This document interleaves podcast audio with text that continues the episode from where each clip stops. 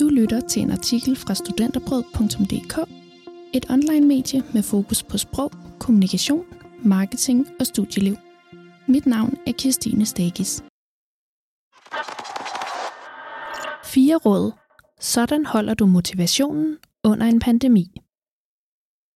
Vi har ramt studiestarten, og et nyt semester er begyndt. Dele af din undervisning foregår måske stadig online. Det bliver ikke, som det plejer, og vi kan lige så godt forberede os på det allerede nu. Tab ikke pusten, for der er også positive sider af den nye studiestil.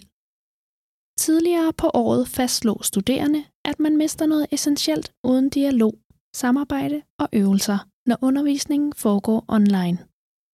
Men hverdagen blev også nemmere, og man sparer tid, fordi det ofte er muligt at spole i en virtuel undervisning, samtidig med, at der ikke skal bruges tid på transport.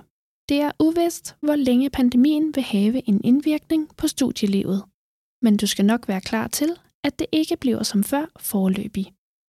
Så hvordan får du skabt den motivation, du havde engang, i stedet for at blive under dynen og se Netflix? Snak med dine medstuderende. Det er okay at være frustreret, og der er sikkert mange af dine medstuderende, som har det på samme måde.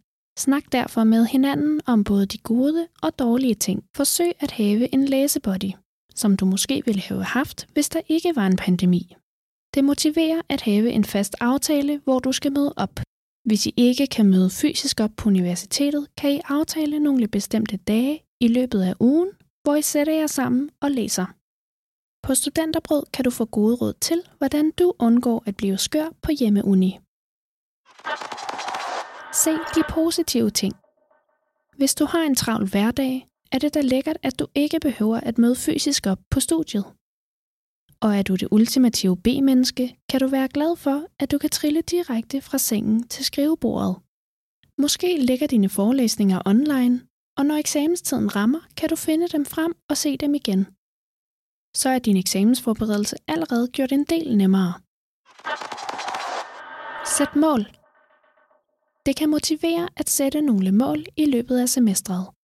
Måske skal du læse en time hver dag, eller have et socialt arrangement om ugen. Men husk at sætte realistiske mål, så de ikke bliver for uoverskuelige. Og flyder din tid sammen, kan du prøve at organisere et såkaldt matrixskema eller afprøve tomatteknikken, hvor du sætter dit ur på 25 minutter og arbejder intensivt i de 25 minutter. Husk din interesse for dit fag.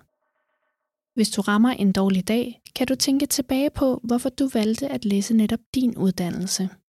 Selvom din motivation ikke i øjeblikket er på sit højeste, har den på et tidspunkt været det.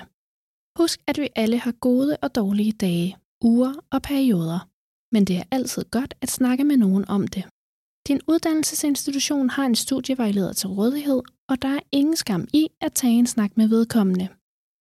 Du kan også få hjælp hos studenterrådgivningen. På Studenterbrød kan du også blive klogere på, hvordan du er en god studerende. God studiestart. Du lyttede til en artikel fra studenterbrød.dk Like, subscribe og del. Mit navn er Christine Stakes. Tak fordi du lyttede med.